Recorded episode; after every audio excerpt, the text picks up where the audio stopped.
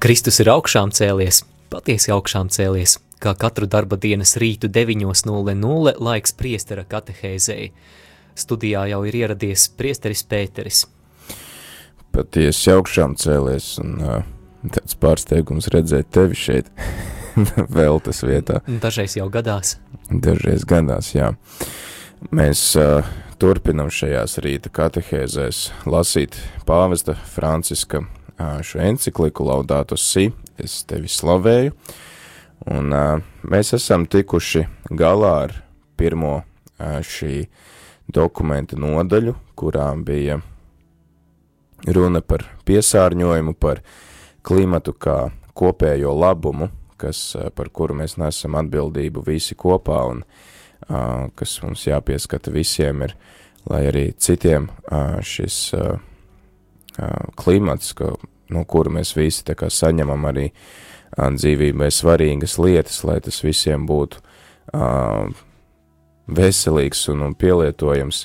Uh, jā, tad mēs arī runājam par ūdeni, par ūdens problēmām, par uh, bioloģisko daudzveidību, kas, uh, diemžēl, iznīkst, izsīkst, uh, tad par dzīves kvalitātes pasliktināšanos, kaut arī mēs piedzīvojam tehnoloģisku un varbūt arī ekonomisku kādu attīstību, tad bieži vien cilvēki sadzīvē nu, degradējās un pietrūkst komunikācijas savā starpā, tādas patiesas empātijas. Tad runājām par vispārēju nevienlīdzību un vakar priesteris Renārs noslēdz šo pirmo, pirmo nodaļu ar pāvesta pārdomām par to, kā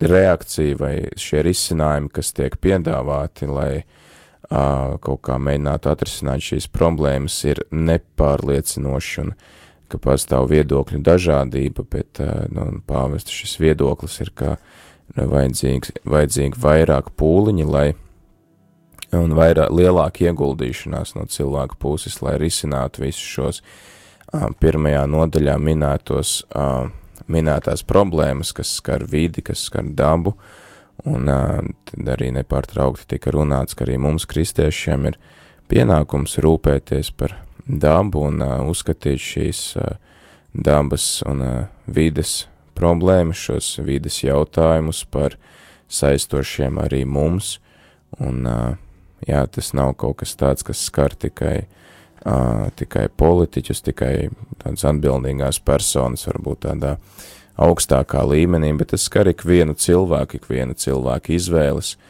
un arī pāvests uh, bieži vien norādīja to, ka šī pamata problēma visām šīm uh, negācijām un šai uh, vides uh, piesārņošanai ir mūsu pašu uh, domāšana ikdienā, kas attiecās ne tikai uz apkārtējo dabu, bet arī uz cilvēkiem mums apkārt, un pāvis arī bieži vien lieto šo terminu izmešanas kultūra, ka mēs esam pieraduši to, kas mums, kas mūs vairs neapmierina vai kas mums ir apnicis, ka mēs to vienkārši izmetam ārā, nedomājot par to, kādas sēkas tas var atstāt uz zemi, uz apkārtējiem cilvēkiem, uz vidi.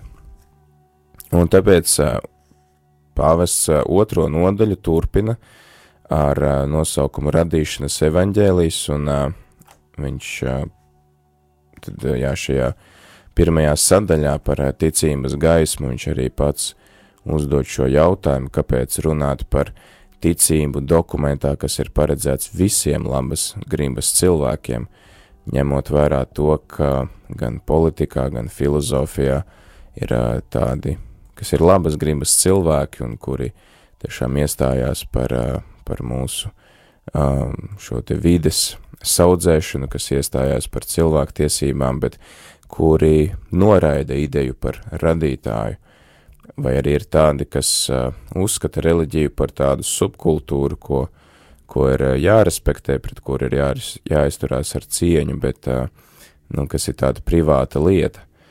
Un, uh, jo mēs taču, jā, pāvests arī diezgan pamatot uzdod šo jautājumu, ka Mēs taču runājam par tādām nu, laicīgām lietām, uh, un, un vēl pie tam runājam ar visiem, visiem cilvēkiem. Uh, tad pāvis saka, ka tomēr ir ir zin, zināms arī ieguldījums ticībai šajos jautājumos, un ka gan reliģija, gan zinātne var būt tādā aktīvā un apusēja auglīgā dialogā, un kas mums arī ir kristiešiem svarīgi apzināties, ka, jā, zinātne un, un ticība nav pretrunā, tie neizslēdz viens otru, un uh, tie viens otru papildina, un tie viens otru uh, palīdz viens otram uh, raudzīties uz uh, pasauli pilnīgāk, uh, iegūt tādu pilnīgāku ainu, jo zinātne mums parāda Dieva brīnišķīgos darbus, to, kā Dievs ir radījis pasauli, kā pasauli darbojās, cik gudrs ir bijis šis prāts, kas to visu ir sakārtojis tādā harmonijā, kāda to mēs varam novērot, un, un, un to skaistumu, par kuru liecina visa radītā pasaule. Savukārt ticība tad var zinātnē dot šo atbildi uz uz šo jēgas jautājumu, kāpēc tas viss ir un, un kāds ir tā visa mērķis. Un, jā, šī atbilde mums palīdz, palīdz izprast pasauli. Un tāpēc arī pāvests viņš jā, raksta par šo ticības, ticības nozīmi, par šo ticības gaismu. Tā ir arī atsauce uz abu pāvestu kopīgo dokumentu, kuru iesācis bija rakstīts Benedi, ierakstīt Benedikts 16. un uh, pabeidz un parakstīja pāvests Francisks Lumen Fidei, ticības gaisma, kuru tad arī mēs varam pārlasīt, lai tā ir tāda zinām atsauci jau uz šo dokumentu, ka ticība nes mums gaismu un ticība mums palīdz saprast pasauli mums apkārt. Tad, ko sniedz, tad parunāsim par šo gaismu, ko sniedz ticība, bet par to pēc dziesmas.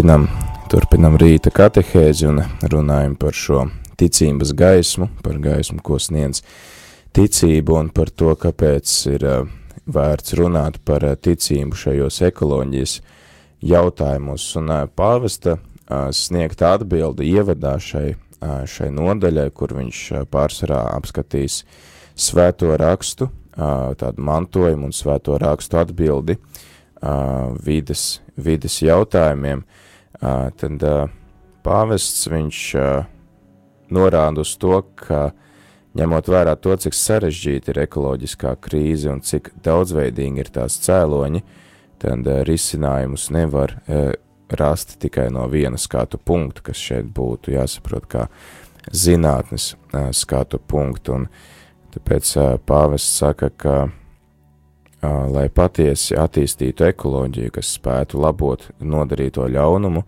tad nevar ignorēt nevienu zinātnes nozari, gudrības formu, un arī reliģijas gudrību. Un, Tad mēs varam atcerēties pāvesta Franciska atsauci ievadā uz pāvesta Benedikta 16.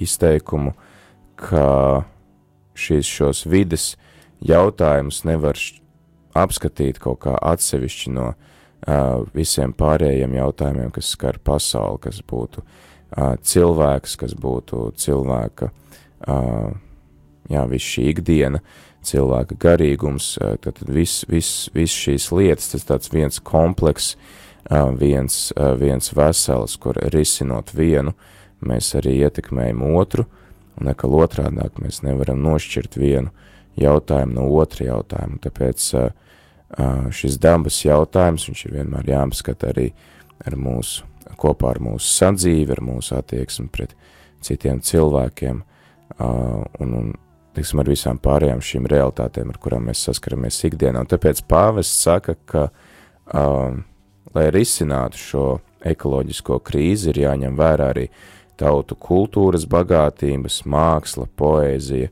iekšējā dzīve un garīgums. Tātad katras tautas šī iekšējā dzīve un katras tautas garīgums, kas var būt tāds uh, vērtīgs uh, papildinājums tam, uh, kur rast šīs te atbildes uz uh, dabas saudzēšanu, mūsu kopīgo māju uh, sargāšanu.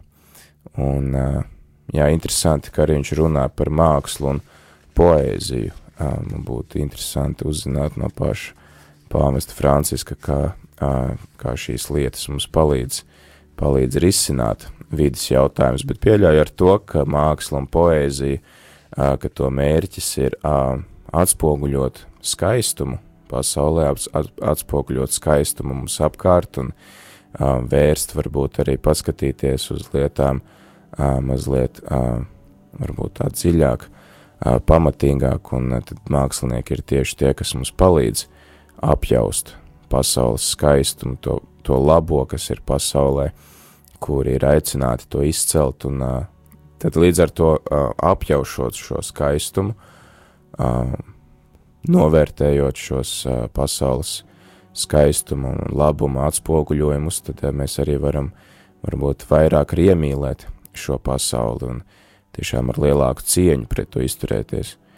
Priet, prātā nāk, piemēram, latviešu kad rakstnieki, kas arī ļoti brīnišķīgi apraksta to, cik skaista ir pasaule, cik skaista ir mūsu zeme, piemēram, brigadere vai uh, tie paši virsmas straumēni, kad lasot šos aprakstus par dabu, kas varbūt nereti mēdz būt ļoti gari, bet ka tiešām tev liekas, ka tas ir kaut kas skaists, kaut kas ļoti, ļoti labs, ko ir vērts sargāt, ko ir vērts, vērts uh, mīlēt un, uh, un uzturēt. Un galu galā, kas līdzīgi arī kā svētajam Franciskam no Asīzes ir līdzis izplūst tādā prieka un slavas himnā, uh, um, sakot slava Tev, Dievs, par, par šo jā, skaistumu, par šo labo pasauli, ko Tu esi mums devis, un uh, kas mūs uztur, kas mūs baro, kas mums uh, dāvā uh, dzīvību savā ziņā.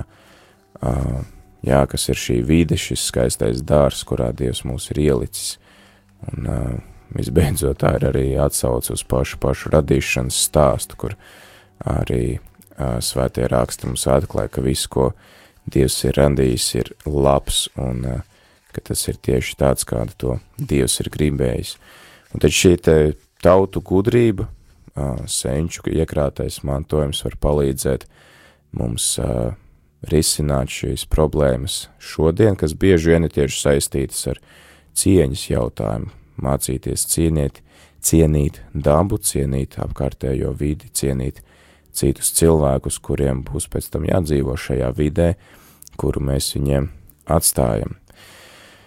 Un šeit tad es vēlētos vairāk parunāt par ticības un prāta attiecībām, par to, ko baznīca māca, par zinātni un par ticību, vai mums kristiešiem ir vajadzīga, vajadzīga zinātne, vai mums ir vajadzīga, nezinu, meklēt kaut kādas atbildes uz filozofiskiem, zinātniskiem jautājumiem, ja mums ir dota ticība un ja mums ir dota ticība, kas mums atklāja visu, vai arī otrādāk, ja mums ir prāts un ja mēs varam rast atbildes, vai mums ir nepieciešama ticība, bet par to pēc dziesmas.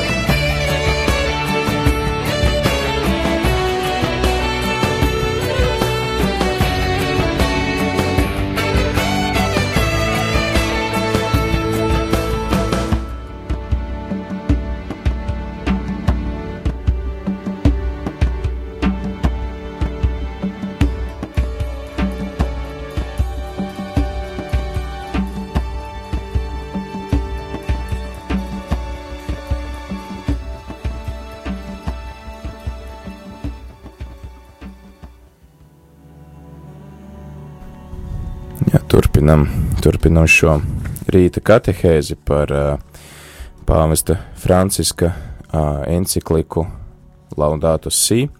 Es tevi slavēju, uh, kas ir veltīta vides un dabas jautājumiem, un tad, tad pagājušo nedēļu un šonedēļ mēs apskatījām dažādas galvenās problēmas, kuras pāvests izvirza, kuras ir neatliekamas kur ir neatliekami vidas jautājumi, kurus mums ar stēngu ir jārisina, un tad arī viņš pats piedāvā atbildes, un šodien mēs uzsākam lasīt otro nodaļu, kurā pāvests uh, runā par uh, ticības atbildi šo gaismu, ko sniedz ticība šajos jautājumos, un tad uh, pirms mēs turpinam lasīt šo, šo nodaļu nākamnedēļ, vēlos mazliet parunāt par šo baznīcas uh, nostāju, par attiecībām starp prātu un, un zinātni, starp prātu, atvainojos, un, un ticību,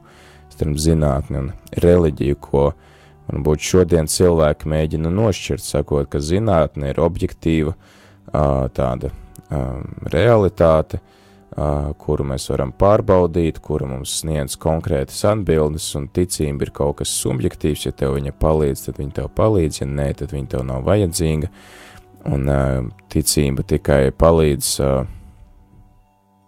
tikai, nu, aizstāt tos jautājumus, uz kuriem mums ir grūti rast atbildes, un tad mēs vienkārši pasakam, ka tas ir ticības jautājums, un viss tomēr tā nav baznīcas nostāja attiecībā uz attiecībā uz prātu, un baznīca ir atvērta dialogam ar filozofiju, atvērta dialogam ar zinātni, un to mums arī atklāja baznīcas sociālā mācība, kas tikai bagātinās pateicoties dažādiem pētījumiem, dažādās zinātnes nozarēs, kas mums atkal palīdz tās izprast tieši ticības gaismā, tajā, ko mums atklāja Dievs.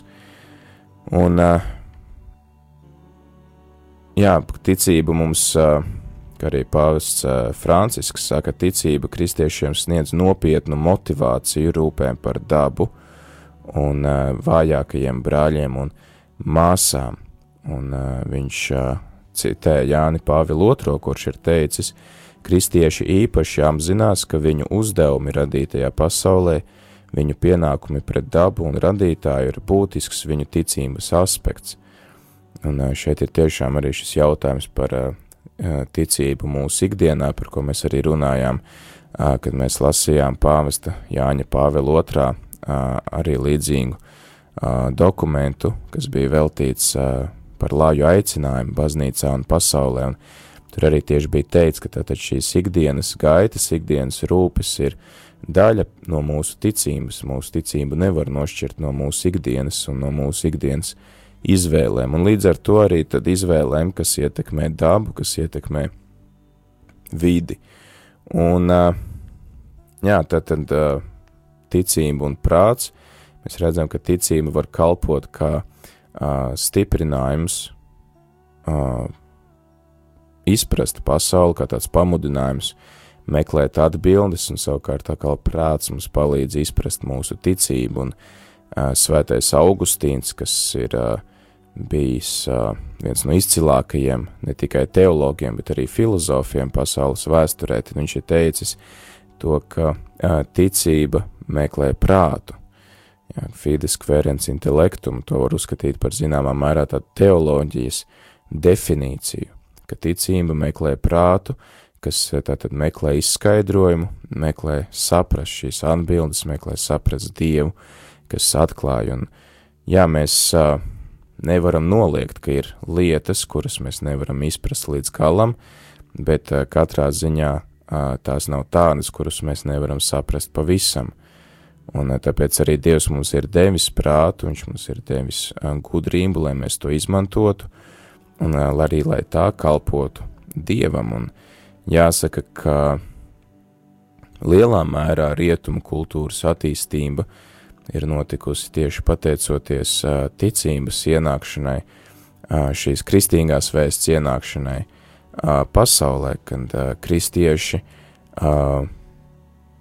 atklāja to gudrību, to vērtīgo, kas ir antīkajā kultūrā, un balstoties uz šīs antīkās kultūras gudrībām un savienojot to ar evaņģēliju atklāsmi ar to, ko Jēzus mums atklāja, viņi mācījās izprast šo pasauli, un arī pirmās universitātes, pirmās skolas dzimst tieši klosteros, kas ir kā tādi ne tikai garīgi centri, bet kas arī ir tādi uh, intelektuāli centri, kur cilvēki studē, kur viņi izprot, mācās izprast pasauli, mācās izprast Dievu, un, piemēram, Benediktīņu klosteros pirmajos gadsimtos un arī joprojām viņi turpina šo, šo intelektuālo darbu, bet arī tad, pateicoties šiem klosteriem, mēs vispār varam lasīt, piemēram, antīkos filozofus, Aristoteli vai, vai Sokrātu vai citus,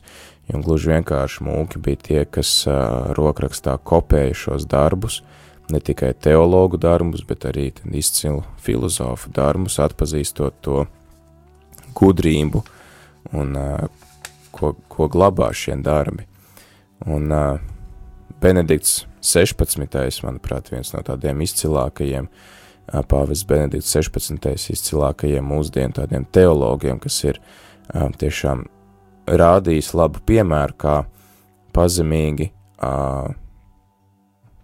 pielietot gan prātu, gan ticību, un kurš mums parāda to, kā ticība un prāts papildina viens otru, un viņš arī ir izcēlis tieši svēto Augustīnu, kas mums šodien var palīdzēt uh, izprast šīs ticības un uh, prāta attiecības, šis afrikāņu bīskaps, kas ir arī teicis, es ticu, lai saprastu un saprotu, lai labāk ticētu. Jā, tā, tā, tā ir savstarpēja miedarbība, ka mūsu ticībā ir svarīgi arī censties izprast lietas. Mēs nevaram vienkārši kristieši pateikt, ai, man vienkārši ir jāpieņem ticībā tas, ko Dievs ir atklājis un, un viss. Nē, Dievs viņš mūs neaicina uz aklu ticību, bet viņš mūs aicina arī uz izpratni un uh, saprast, kāpēc, uh, kāpēc ir vai nav viena otra lieta, vai kā darbojās viena vai otra lieta, vai uh, kāds ir Dievs, galu galā viņš, jā, viņš ir neizsmeļams, bet tāpat laikā viņš atklāja mums sevi, un viņš atklāja mums sevi tādā veidā, kādā mēs viņu varam saprast, kā mēs viņu varam uztvert, tāpēc arī Jēzus iemiesojās, Jēzus kļuva cilvēks, lai cilvēks varētu Dievu iepazīt, lai cilvēks varētu Dievu uh, satikt, lai viņš varētu uh, Dievu arī zināmā mērā izprast. Un, manuprāt, savā ziņā tāda akla ticība bija arī tas, pret ko Jēzus iestājās, kad viņš diskutēja ar sava laika reliģiskajiem līderiem, kad viņš aicināja izprast, kāpēc Dievs ir devis, piemēram, sabatu. Jā, ka viņš saka, ka sabats nav dots, uh, nu, cilvēks nav sabata dēļ, bet sabats ir cilvēka dēļ.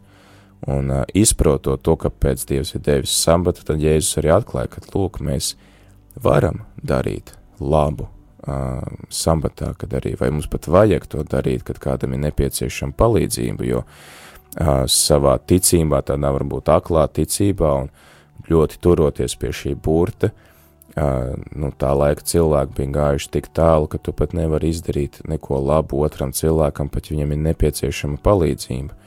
Tomēr Jēzus norāda, ka ir situācijas, kad mums ir jāizprot šis likums, mēs nevaram vienkārši akli, akli pakļauties šim likumam, jo tad mēs gluži pretēji ievainojam cilvēkus un mēs nevairojam mīlestību, kas, kas ir mūsu pamata aicinājums. Un uh, arī katoļu baznīcas katehisms mums uh, saka 50. paragrāfā, ka ar dabiskā prāta palīdzību var iepazīt Dievu. Un katehisms arī saka, ka ticība pati par sevi arī ir prāta akts, gribas akts, kas nozīmē, ka mēs nevaram izslēgt, teiksim, šo prāta jēdzienu no mūsu ticības, un ka arī tātad zinātne un, un, un prāts un filozofija, ka tie ir tās tādas lietas, kas mums palīdz, palīdz mūsu ticības dzīvē, kas mums palīdz atklāt arvien vairāk Dievu, to, cik Dievs ir liels, cik Dievs ir skaists, cik Dievs ir labs, no kura nāk tad arī viss labais, skaistais un patiesais pasaulē, un līdz ar to tad arī tas stiprina mūsu ticības dzīvi, kas mums palīdz tieši pieaugt šajā abrīnā, kas starp citu arī ir filozofijas tāds viens no pamat elementiem, kā vismaz mani ļoti uzrunāja, ka Platons ir teicis, ka filozofija sākās ar abrīnu, ar abrīnu par to, kas ir apkārt, un ka filozofija ir tik ilgi iespējama, kamēr cilvēks ir spējīgs brīnīties, un es varu pievienot teikt tikai klāt to, ka arī ticība ir lielā mērā abrīna par to, cik Dievs ir varens, cik Dievs ir brīnišķīgs, un kas mums tad liek izplūst priekā, pielūgsmē un slavēšanā un atdot Dievam godu. Tālūk, īsumā tāds komentārs par ticības un prāta attiecībām aicinu arī jūs, klausītāji, iesaistīties šajā sarunā un pateikt savus, savus pārdomus vai savus jautājumus par šo jautājumu, ko ticība var dot zinātnē, ko zinātne var dot ticībai. Tad atgādinu, ka tālruņa numurs ēterā ir 8809 esam gatavi uzklausīt jūsu zvanus savukārt. Ja nevēlaties runāt ēterā, bet vēlaties izteikties, varat rakstīt īziņas uz tālruņa numuru 266 77 272. Bet tagad laiks dziesmai. Every tribe, every nation, every country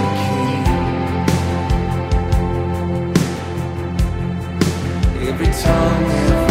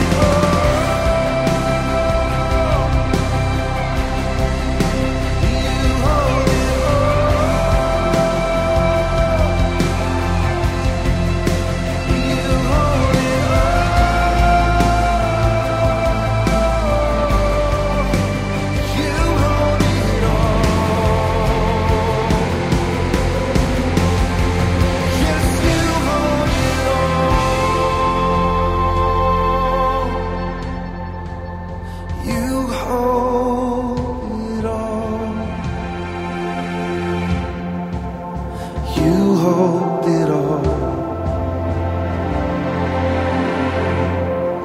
Yes, you hold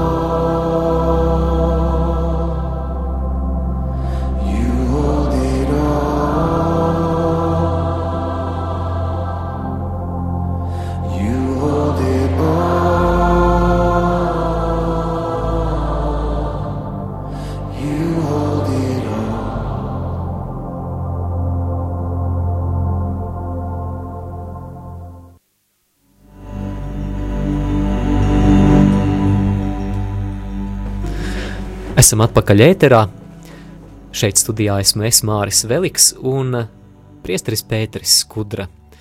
Jūs joprojām varat uzdot savus jautājumus, rakstot īsiņas uz tālruņa numuru 266 77 272, tādējādi iesaistoties šī raidījuma veidošanā, vai arī zvaniet uz tālruņa numuru studijā 8809. Esam saņēmuši pirmo komentāru un jautājumu. Skan jau skaisti tādas runas, bet kamēr pasaulē valdīs ļaunums, alkatība un netaisnība, kari un bats un tā tālāk, tikmēr nekas nemainīsies. Arī Bībele mums vēsta, ka šī pasaule neizbēgami iet postā, kamēr Kungs Kristus to neatjaunos tūkstošu gadu miera valstībā.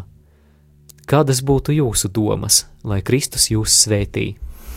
Jā, paldies, paldies par šo svētību, un arī, arī mēs sveitījam šo īziņas autoru, un īziņa ir tiešām interesanti. Es domāju, ka te nu, tomēr ir jāskatās nu, no abām pusēm. No vienas puses, jā, svētie raksti saka, ka pasaule, nu, pasaulē ir šis ļaunums, un pasaule iet uz šo iznīcību, bet tomēr svētajos rakstos īpaši apustuļu darbos, kas ir, nu, teiksim, šīs vēstules, ir teikts, ka šī pasaule tomēr ir kā pretnostatīta dievam pretnostatīta ticībai, bet tas ir vairāk kā šī pasaule, kas nepieņem dievu, kas paliek tumsā, kas ir tātad šī, nu, šis ļaunums, kas, jā, kā arī Jāņa evaņģēlijas sākumā ir teikts, ka nāca gaisma, bet uh,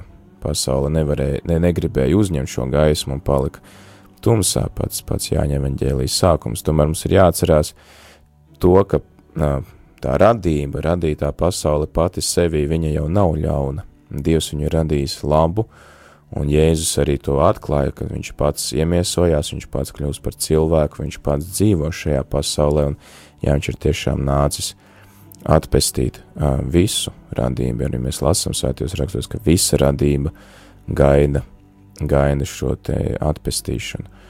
Un par šo tūkstošu gadi nu, grūti saprast, tomēr Pēters savā vēstulē raksta, ka Dievam viena diena ir kā tūkstoši gadi un tūkstoši gadi kā viena diena. Es domāju, ka tas nav Bībelē domāts tā burtiski, uh, tūkstoši gadi, bet vairāk kā šis laikmets, kurā tad baznīca arī nāk un um, šis, jā, nu, Jēzus valdīšanas laiks, kad baznīcā jau valda Jēzus un baznīca ir tā, kas ir aicināta tad pārveidot šo pasauli sev apkārt. Tā kā es domāju, ka baznīca, nu jā, starp citu arī taču katehismā ir vai ne māri, man var palīdzēt, teica, ka baznīcas pestīšanas sakraments vai ne pestīšanas līdzeklis, kas mm ka tātad mēs esam tie, kas arī pārveido šo pasauli, būdami baznīcas locekļi, būdami baznīcas, teiksim, Jēzus Kristus svētā, svētās miesas locekļi.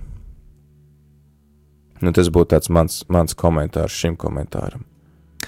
Jā, manuprāt, šī klausītāja īziņa ierosina pārdomas par eskatoloģijas tēmu, jeb par pēdējām lietām, uh, par to, ka šī pasaule ir savā laikā šeit ierobežota un ka reiz pienāks gals, un, un tas kaut kā sasaucas ar manām pārdomām pēdējās dienās uh, par šo ekoloģijas tēmu.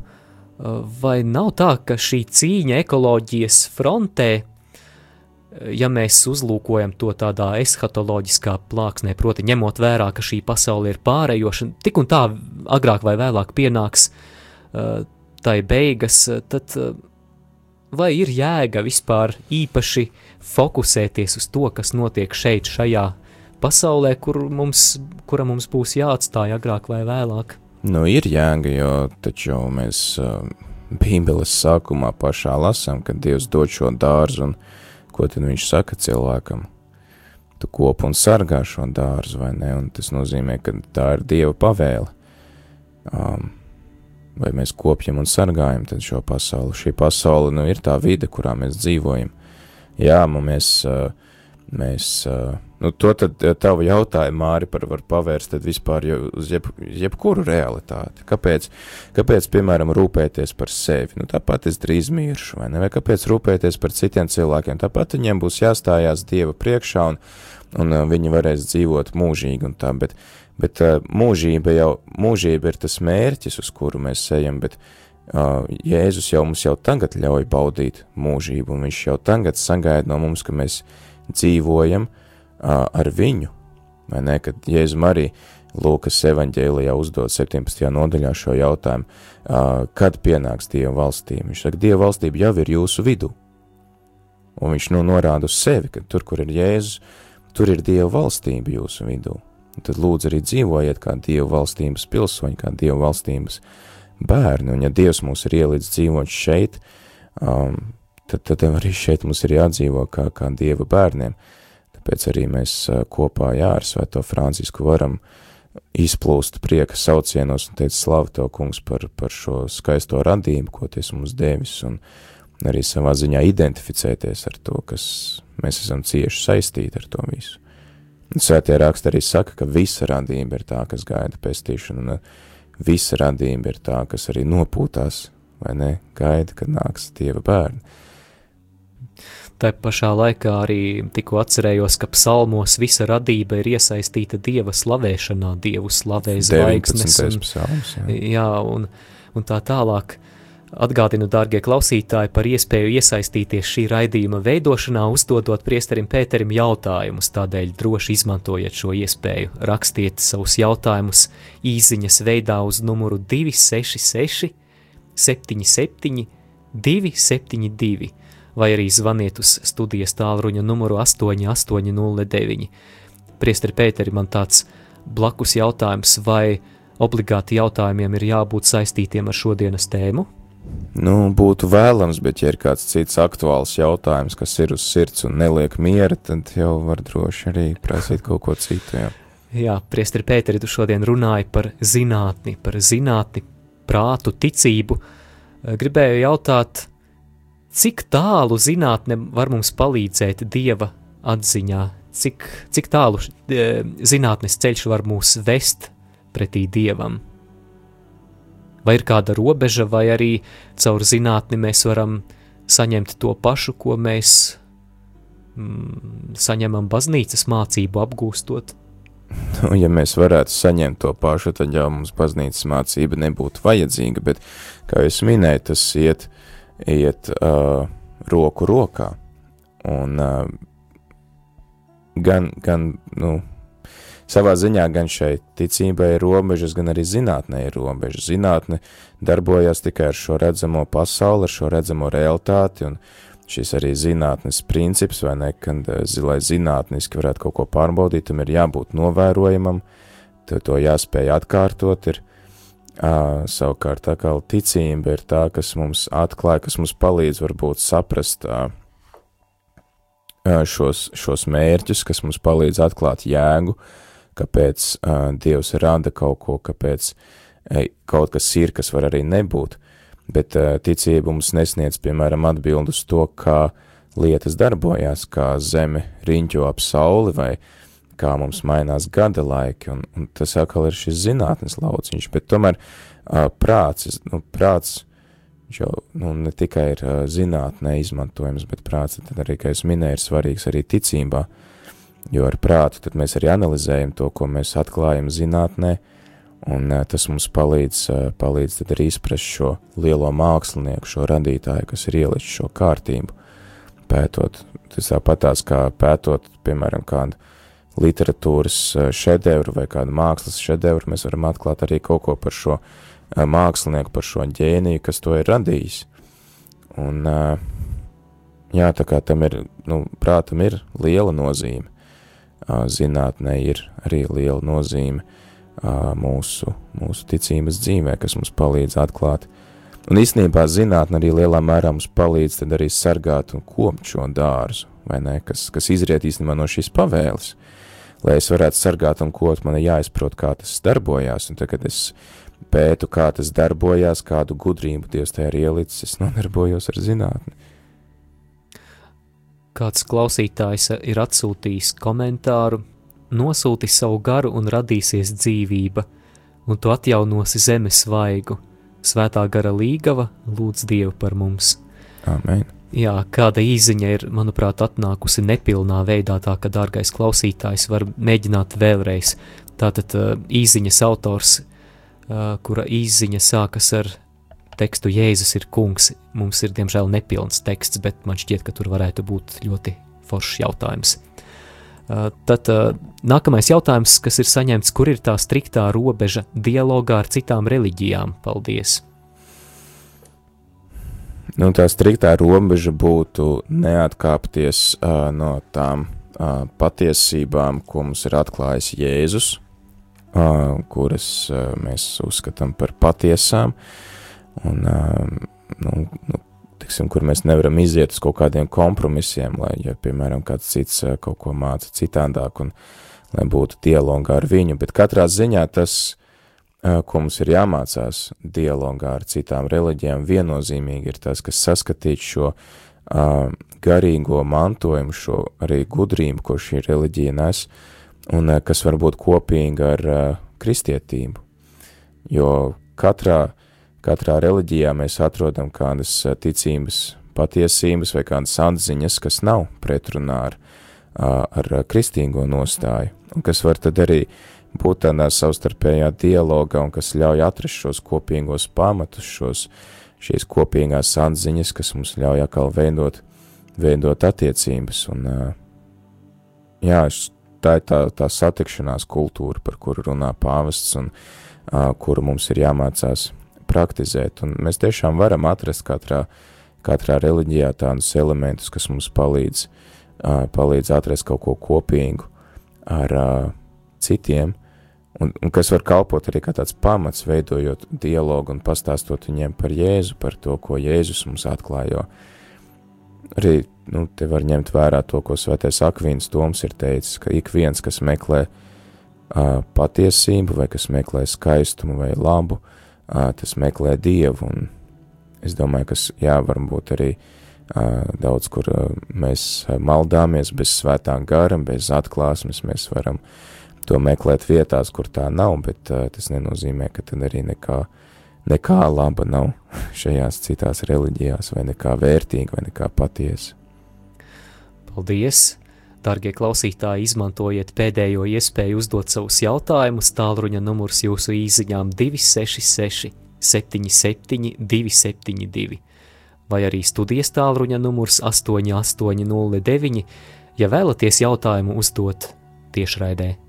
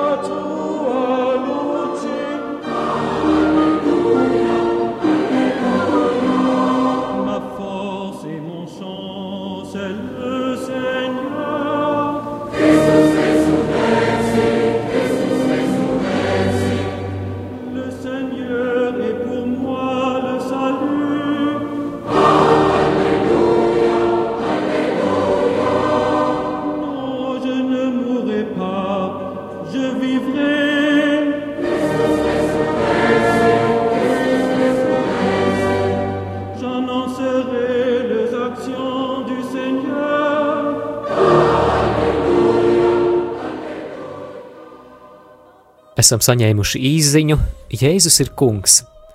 Varbūt pie domām par likumiem, kur ir Dieva radītajā pasaulē, par kuriem runā mums zinātne un to skaidro. Ir vērts pielikt klāt, ka arī garīgajā pasaulē ir likumi, par kuriem vajag zināt, kurus vajag izprast. Bez tā cilvēks mocītos, cīnoties ar sevi, ar to, ko viņš piedzīvo caur gadiem – nesasniedzot sirds mieru un pašu dievu. Vislabākais piemērs tam varētu būt Svētā Terēze no Avilas, kura savās grāmatās skaidri atzīst, cik gadus staigāja apkārt nesaprotot sevi un dievu. Līdz laikam, kamēr nebija jautājusi garīgajiem zinātniekiem, kuri paskaidroja tai, ko dievs mēdz darīt, kādi procesi notiek cilvēka dvēselē, pa kuru ceļu ir jāiet pie ieguvumiem un kā izvairīties no cilpām un viltus ceļiem. Pēc tādas konsultācijas viņa gāja ātrāk un drošāk svētuma ceļu. Tātad ir skaidrs, ka to viņa nevarēja izdarīt bez tiem, kuriem bija izglītība. Jā, um, svētā Avīlas Terēza viņa arī izd, uh, garīgā tēva meklējumos uh, uzsvēra, ka vairāk ir vērts izvēlēties tos, kas ir uh, izglītoti un varbūt mazāk dievbijīgi, nevis eh, vairāk dievbijīgi, bet mazāk izglītoti, jā, kad, jā, ļoti, ļoti labs komentārs par to, kā prāts palīdz mūsu ticībai. Paldies par šo komentāru. Tikko saņēmām arī īziņu, esmu dzirdējis kādus priesterus radio Marija, kuri apgalvo, ka islāmā ir tas pats dievs, kas mums kristiešiem, taču Allaham nav dēls – un arābi Allahu vēl arī sauc par Al-Maker, kas nozīmē lielākais pievīlējs. Rakstos mēs zinām, ka sātans ir melu tēvs. Islāmam nav tas pats dievs. Jā, nu tā ir atsauce uz uh, uh, katehēzi, kuru vadīja priestris Ilmārs, un uh, tas, ko viņš arī norādīja, ir tas, ka jā, mums ir dažādi izpratne par dievu, mūsu Dievs ir trīsvienīgs Dievs, Dievs Tēvs, Dievs Dēls, Dievs Svētais Gars. Musulmaņiem ir viens Dievs, kurš ir arī viena persona, un viņi kristieši uzskata par tādiem, kas ir daudz dievīgi, bet priesteris Ilmārs uzsver to, ka šis vārds Allahs, tas nozīmē Dievs, nu, un tad to, ko mēs latviski sakam Dievs, ko angliski saka God, uh, vai vāciski saka got, tas no arābu valodā ir Allah. Nu. Jā, starp citu, ja mēs aizbrauktu, teiksim, uz svēto zemi un piedalītos kādā misē arābu valodā, mēs būtu pārsteigti, cik bieži tur skan Allahs. Tā kā, nu, un gal galā arī, nu, tomēr viņi, te ir atkal tā mūsu kopīgā pamatne, kur mēs varam runāt, ka Dievs ir, Dievs ir viens, Dievs ir vienīgais radītājs, viņš ir vienīgais pirmavots, uh, Jā, nu, tā kā tālāk būtu, nu, mēs, protams, nevaram atteikties no tā, ka Dievs ir trīsvienīgs, ka viņš ir tēvs. Musulmaņiem ļoti grūti ir pieņemt to, ka Dievs ir tēvs, viņiem tas liekas jau kā pazemot Dievu, ka viņam ir tiek piedāvāts kaut kas cilvēcisks. Bet uh, katrā ziņā mums šis ir kopīgais pamats, un uh, tur galīgi nav, nav jāceļ šķēpi par to. Jā, te klausītājs raksta, taču Allaham nav dēls, uh, Manuprāt, šeit runa ir par to, cik tālu sniedzas mūsu izpratne par Dievu. Piemēram, mēs varētu jautāt, vai vecās derības dievs ir tas pats dievs, kas jaunajā derībā, jo vecajā derībā jau neviens par dieva dēlu nezināja. Jā. Tātad runa ir par atziņu par dievu līdz noteiktam līmenim. Bet uh, izskatās, ka katehēzes laiks ir ļoti strauji pietuvojies savam noslēgumam.